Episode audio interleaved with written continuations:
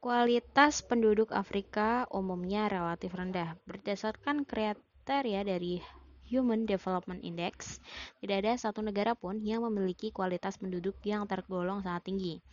Beberapa negara memiliki kualitas penduduk yang tinggi seperti Aljazair dan Tunisia. Negara yang kualitas penduduknya tergolong sedang antara lain Mesir, Afrika Selatan, dan Namibia. Negara dengan kualitas penduduk rendah di antaranya adalah Sudan, Ethiopia, Kenya, dan Chad. Sebagian besar penduduk benua Afrika adalah keturunan Negro yang berkulit hitam. Hal inilah yang menyebabkan benua Afrika mendapat julukan benua hitam.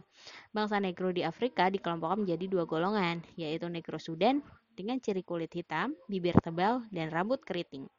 Golongan kedua adalah Negro Bantu dengan ciri seperti Negro Sudan, tetapi kulitnya lebih terang.